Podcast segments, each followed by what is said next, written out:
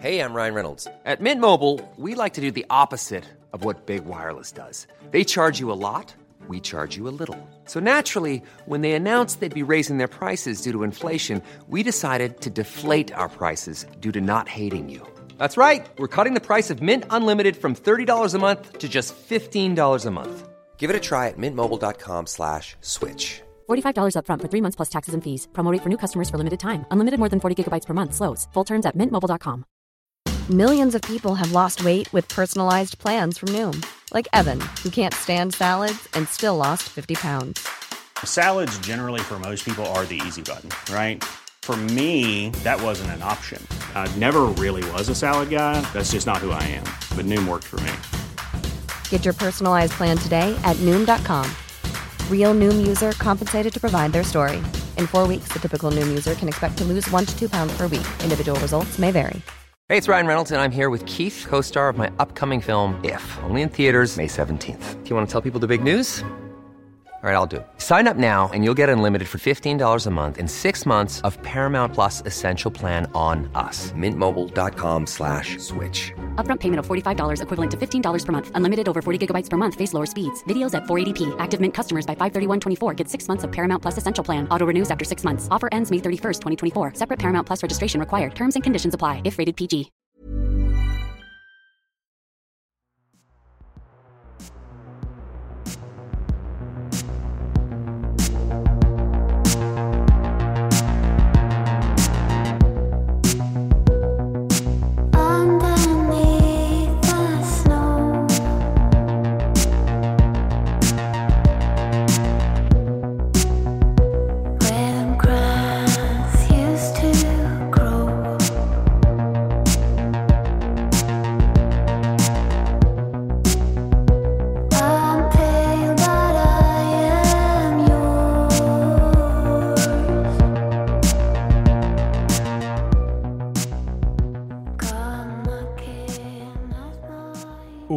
Olösta mord Mördade Zodiac Cherry Del 3 Jag heter David Oskarsson och det är jag som har skrivit denna avsnittsserie. Olösta mord är en podd som bara ställer frågor och aldrig ger några svar. Vad tror du själv? Kontakta oss gärna med dina teorier om fallen som vi tar upp. Kontaktinformationen finns i avsnittstexten i din poddapp och i slutet av avsnittet. Om du som lyssnar på Olösta mord skulle vilja vara med och sponsra podden får du hemskt gärna göra det på Patreon. Du går då helt enkelt till patreon.com, patreon.com och söker på Olösta mord. Det rör sig om en liten summa per avsnitt, men det gör en jättestor skillnad för oss. Vi släpper nya avsnitt regelbundet varje vecka, men om vi av någon anledning inte skulle göra det dras inte heller några pengar. Vi avslutade föregående avsnitt med att berätta om Sherry Joe Bates begravning. Hur tragisk den var, men också hur den några år senare blev ett ämne för spekulation. När det en dag verkade som att Sherry inte längre vilade på kyrkogården. Vi ska citera ett inlägg i ett forum på webbplatsen Tapatalk signerat användaren Strikezone. Inlägget är daterat till den 13 juli 2007 och vi översätter till svenska. Min fru och jag kom över en länk på findagray.com för Sherry Joe Bates begravning som indikerade att hon var begravd på Pierce Brothers Crestline Memorial Park i Riverside. Vi bor ganska nära Riverside, så vi tog en sväng dit en kväll tidigt förra veckan. Vi lyckades inte hitta hennes grav bland alla andra. Jag återvände nästa dag och frågade receptionisten var någonstans Sherry vilade. Efter att av misstag ha blivit skickad till en grav för en helt annan person med efternamnet Bates återvände jag återigen till receptionen för att få hjälp. Då jag såg hur upptagen receptionisten var frågade jag om jag inte kunde titta igenom registren själv. Det gick för sig. Och nog hittade jag Cherry inskriven där, den 4 november 1966. Men handskrivet, intill hennes namn, på en lista som för övrigt var maskinskriven, stod det Cherry Joe begraven till havs. Och där är det slutcitat. Notera förresten att signaturen Strike Zone skriver Crestline och inte Crestlawn, en felskrivning. Det var på Pierce Brothers Crestlawn Memorial som Cherry skulle vara begravd.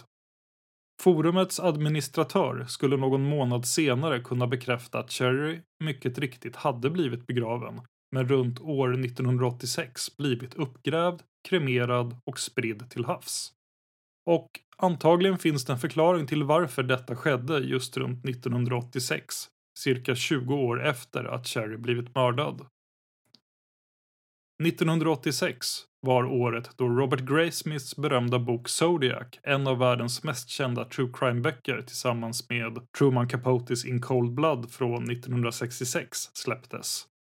Antingen hade Sherrys grav redan blivit till ett för problematiskt intresse för allmänheten, eller så befarade hennes familj att så skulle ske i samband med det ökade intresset, sporrat av Graysmiths bok. Av den anledningen bestämde de sig för att sprida henne för vinden istället för att hennes gravplats skulle bli till en morbid samlingsplats för true crime-entusiaster. Detta är åtminstone vad som verkar rimligt. Vi har inte kommit över någon källa där någon från Sherrys familj bekräftar att detta stämmer. Vi citerade tidigare en tidningsartikel som nämnde att polisen genomförde en rekonstruktion av mordkvällen på biblioteket. Rekonstruktionen ägde rum på Riverside Colleges skolbibliotek den 13 november, nio dagar efter Sherrys begravning. Allt skedde med hjälp av 62 elever, två bibliotekarier och en väktare som faktiskt varit på plats under kvällen i fråga.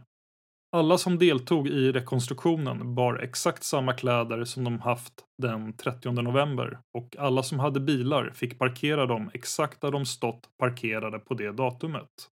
Och mycket av det vi kunnat berätta om de olika vittnesmålen kommer från just den här rekonstruktionen. Framför allt det som rör den mystiska Studebaken. Men det skulle gå nästan en hel månad utan att polisen gjorde några framsteg med utredningen. Och så kom dagen, den 29 november 1966. Detta var en tisdag. Och på denna tisdag fick både tidningen Riverside Press Enterprise och Riversides polisstation motta varsitt brev. Brevens kuvert var handskrivna, men inte frankerade. De saknade alltså frimärken. Och breven i sig var identiska. Både tidningen och polisen fick samma brev. Ett maskinskrivet brev med rubriken The Confession. På svenska alltså bekännelsen. Men trots att breven är identiska vad gäller textinnehåll och till och med typsnitt finns det vissa diskrepanser i hur de är formaterade. Det vill säga, texten är placerad på lite annorlunda sätt när man jämför dem. Så ser det åtminstone ut på de kopiorna som vi har tagit del av. Vi återkommer till skillnaderna efter att ha läst upp brevet. Och detta gör vi i svensk översättning. Och vi har rättat till brevets olika stavfel. Så här kommer brevet, bekännelsen. Hon var ung och vacker. Men nu är hon krossad och död. Hon är inte den första och kommer inte heller bli den sista. Jag ligger vaken på nätterna och tänker på mitt nästa offer. Kanske kommer hon bli den vackra blondinen som brukar sitta barnvakt nära den lilla butiken och gå runt i den mörka gränden varje kväll vid sjutiden. Eller kanske kommer hon bli den kurviga blåögda brunetten som sa nej när jag bad henne om en dejt i high school. Men det kanske inte blir någon av dem. Men jag kommer skära loss deras kvinnodelar och sedan strö runt dem så att hela stan kan se dem. Så gör det nu inte lätt för mig. Håll era systrar, döttrar och fruar borta från gatorna och gränderna.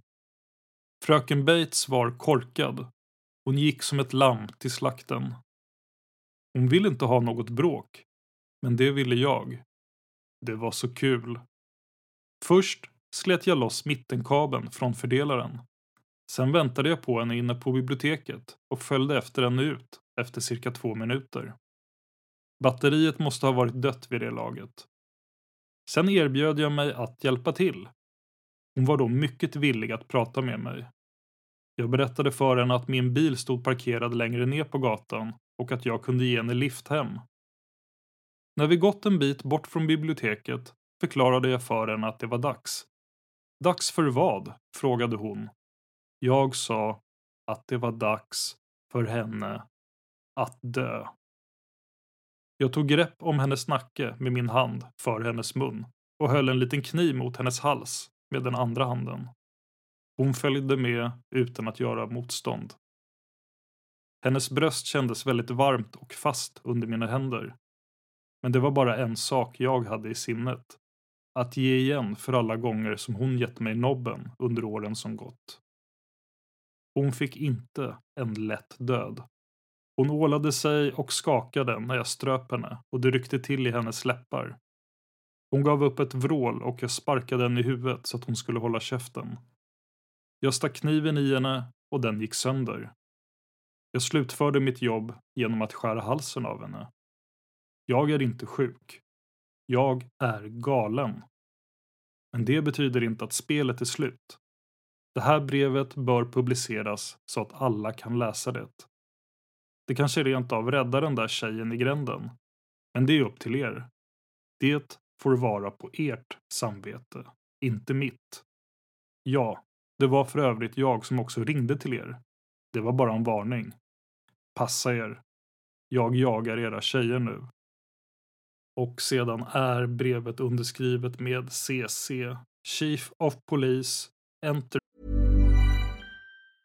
If you thought the only way to get a more defined jawline with natural looking results was through surgery, think again. Juvederm Volux XC is a non surgical injectable gel filler that improves moderate to severe loss of jawline definition and can help you achieve natural looking results with little downtime. Even better, this improved definition lasts up to one year with optimal treatment. No maintenance required. Improve jawline definition for a smooth, sculpted look with Juvederm Volux XC. For important safety information and to find a licensed specialist, visit juvederm.com. That's J U V E D E R M.com. Not for people with severe allergic reactions, allergies to lidocaine, or the proteins used in Juvederm. Common side effects include injection site redness, swelling, pain, tenderness, firmness, lumps, bumps, bruising, discoloration, or itching. There's a risk of unintentional injection into a blood vessel, which can cause vision abnormalities, blindness, stroke, temporary scabs, or scarring. Talk to a licensed specialist to find out if it's right for you.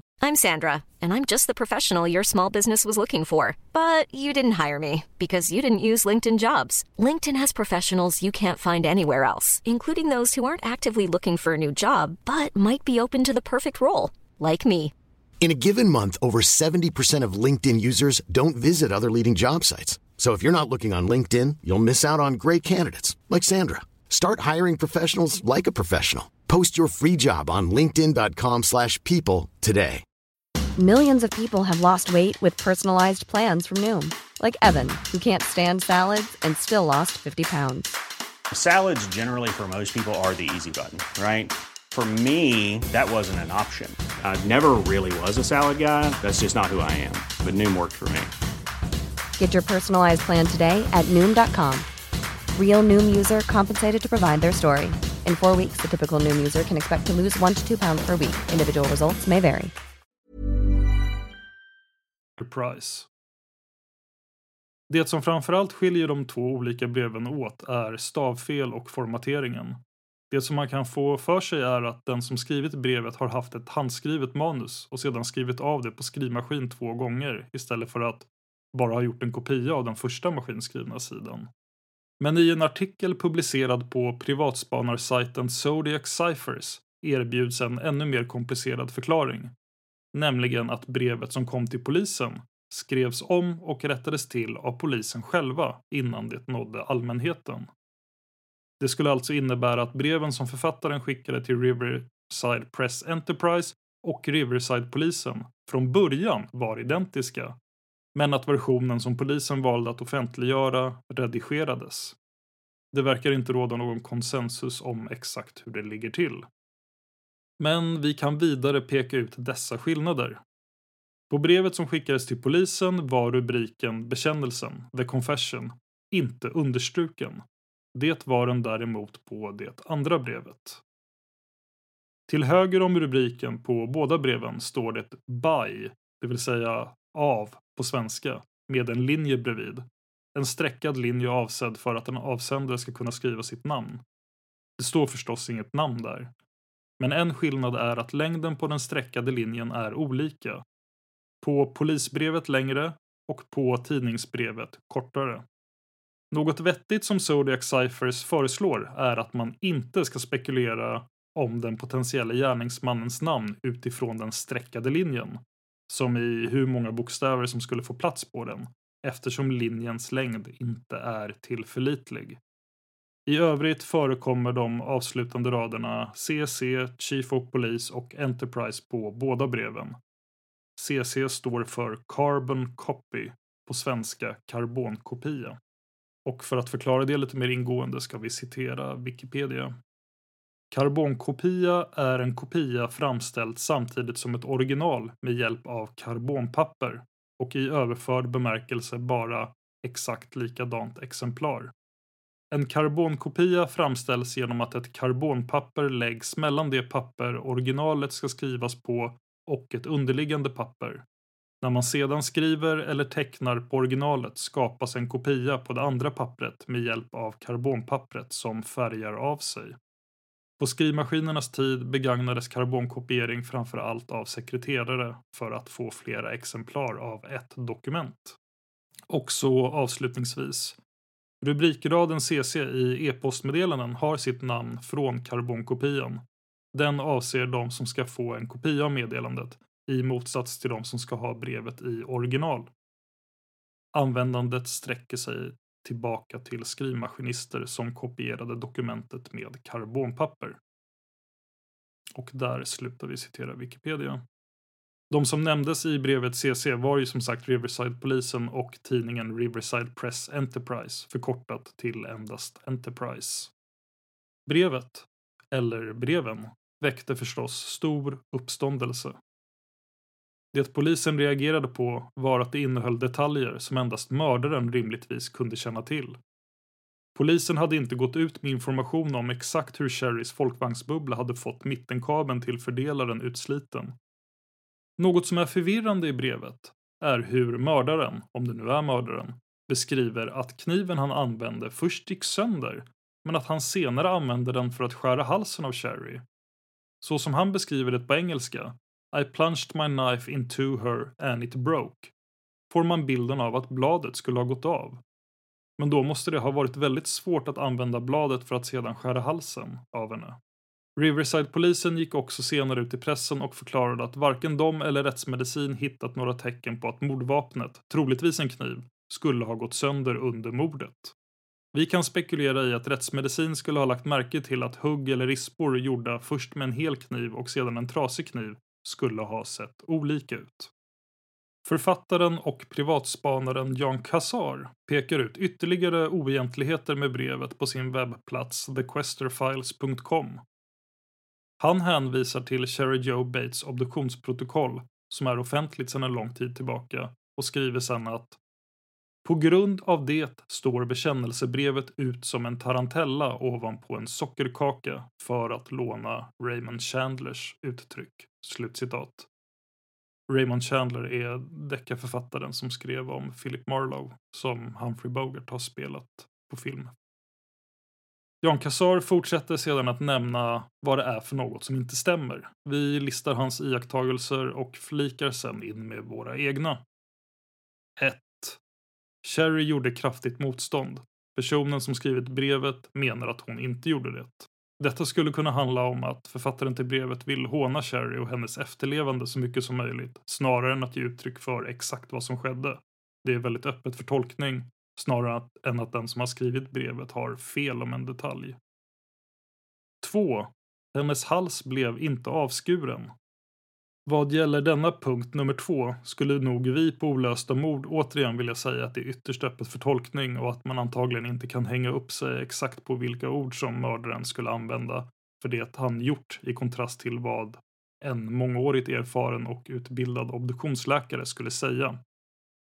Även om Sherry inte fått halsen avskuren dog hon till följd av att halspulsådern skurits av och rapporterna om att hon huggits så många gånger i halsen att hon var praktiskt taget halshuggen dyker upp gång på gång när man researchar fallet. 3. Endast en tidningsartikel sa att det var ett skrik. En annan klargjorde att det var två som hördes. Återigen målar ju författaren upp en ytterst subjektiv och utsmyckad bild av det som skedde. Om vi föreställer oss att det faktiskt är mördaren som skrivit brevet borde vi fråga oss om denne nödvändigtvis skulle komma ihåg ett exakt antal skrik.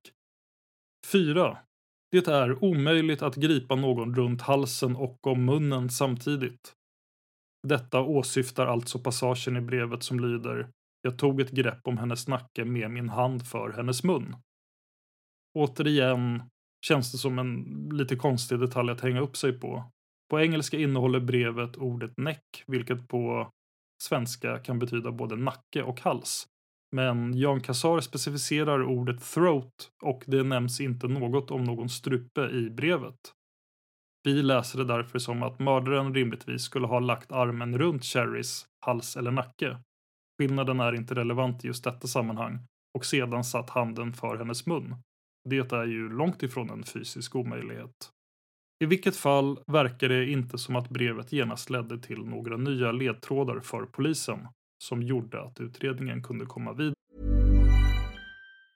Even on a budget, quality is non-negotiable. That's why Quince is the place to score high-end essentials at 50 to 80% less than similar brands. Get your hands on buttery soft cashmere sweaters from just 60 bucks, Italian leather jackets, and so much more. And the best part about Quince, they exclusively partner with factories committed to safe, ethical, and responsible manufacturing. Elevate your style without the elevated price tag with Quince. Go to quince.com slash upgrade for free shipping and 365-day returns. Hi, I'm Daniel, founder of Pretty Litter. Cats and cat owners deserve better than any old-fashioned litter. That's why I teamed up with scientists and veterinarians to create Pretty Litter. Its innovative crystal formula has superior odor control and weighs up to 80% less than clay litter. Pretty Litter even monitors health by changing colors to help detect early signs of potential illness. It's the world's smartest kitty litter. Go to prettylitter.com and use code ACAST for 20% off your first order and a free cat toy. Terms and conditions apply. See site for details. Den 30 april, eller möjligtvis den 29, 1967 publicerade tidningen The Press Enterprise en ny artikel om mordet på Sherry av anledningen att det nu hade gått ett halvår. En uppdatering, om man så vill, men inte någon som hade något direkt nytt att rapportera. Detta fick dock en effekt. Men det är oklart med datumen nu. Källorna går isär. På ett ställe heter det till exempel att det som skedde skedde samma dag som artikeln publicerades, vilket alltså skulle vara den 30 april. Men flera andra artiklar nämner inte att det som skedde var ett svar på någon tidningsartikel. Endast att det som skedde skedde exakt ett halvår efter mordet på Sherry.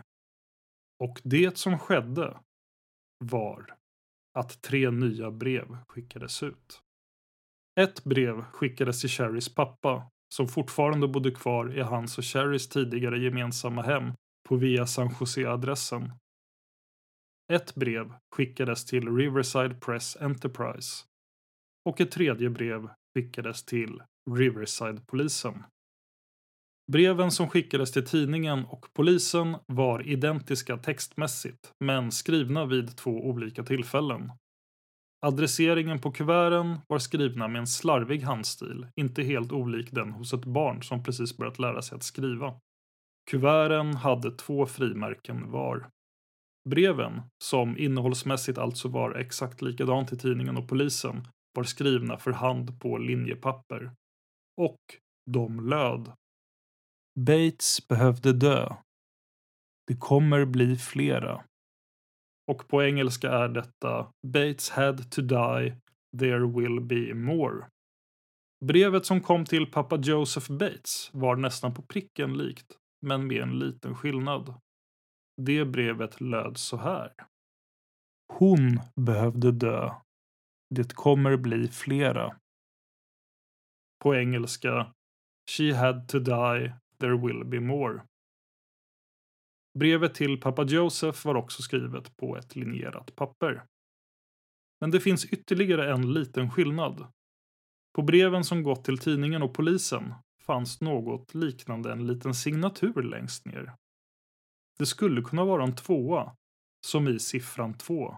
Men det skulle också kunna vara ett Z, som i bokstaven Z. Nästa stora händelse i Cherrys fall är känd och väldokumenterad, men saknar datum. Vi har inte lyckats utreda när det som händer faktiskt händer, men minst en källa säger att det var sex månader efter Cherrys död. Vilket alltså borde innebära att det är något som sker i nära anslutning till att breven vi just berättade om skickades ut. En annan källa säger dock att upptäckten gjordes i december 1966. Det skulle i sådana fall ha varit innan de tre korta breven skickades ut den 30 april 1967. Det var en vaktmästare på Riverside City College som gick igenom ett förråd där man förvarade gamla bord, stolar och skolbänkar. Vaktmästaren noterade att något var inristat på ett av borden, eller på en av bänkarna. Rimligtvis tänkte han där och då att detta var något typiskt klotter som garanterat inte var ovanligt på bruksmöbler av detta slag. Men han hajade antagligen till när han läste det och insåg att det var något helt annat än det man är van vid att se.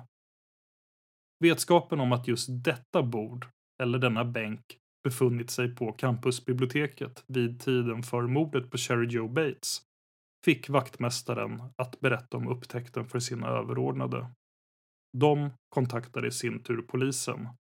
Men vad som stod skrivet på bänken får du veta först i nästa avsnitt. Innan vi slutar ska jag förresten berätta att en annan podd som jag skrivit väldigt mycket för, Massmördarpodden, nu är en gratispodd. Detta är samma podcast som Dan Hörning startade 2016 och som under en tid endast fanns exklusivt hos Podmi. Men nu finns den alltså återigen tillgänglig överallt där du hittar dina poddar. Så in och lyssna på Massmördarpodden, där du kan höra om allt från historiska massakrer som Stockholms blodbad till politiska attentat och ökända massmord som Klattermassakern och till och med massmord som vi endast känner till genom arkeologi. För att rivstarta poddens nya liv som gratispodd eh, gjorde vi en avsnittsserie om atombombningarna av Hiroshima och Nagasaki. Mycket bra avsnitt. Lyssna på dem. Jag ska också i all korthet säga att Dan Hörning för första gången på länge söker nya manusförfattare till flera av sina poddar. Detta rör sig om poddarna Olösta mord, den du lyssnar på just nu, Mördarpodden som Dan Hörning gör tillsammans med Josefin Måhlén och även en helt ny podd som ännu inte är släppt. Det är en podd som kommer handla om olösta mysterier. Om du är intresserad av att skriva för någon av de här poddarna kan du mejla till simwaypodcast@gmail.com. Det är alltså Z-I-M W-A-Y podcast gmail.com. Och det här är samma mejl till vilken du kan mejla oss dina teorier om fallen som vi tar upp här i Olösta mord. Om du är van vid att jobba med text och kanske rent av har skrivit för poddar tidigare så är det meriterande men inget krav. Jag som skrivit, läst, klippt och producerat det här heter David Oskarsson. Tack till Trippnaha som gjort låten Immune som ni hör i början och slutet av varje avsnitt. Och tack till dig för att du lyssnar på Olösta mord.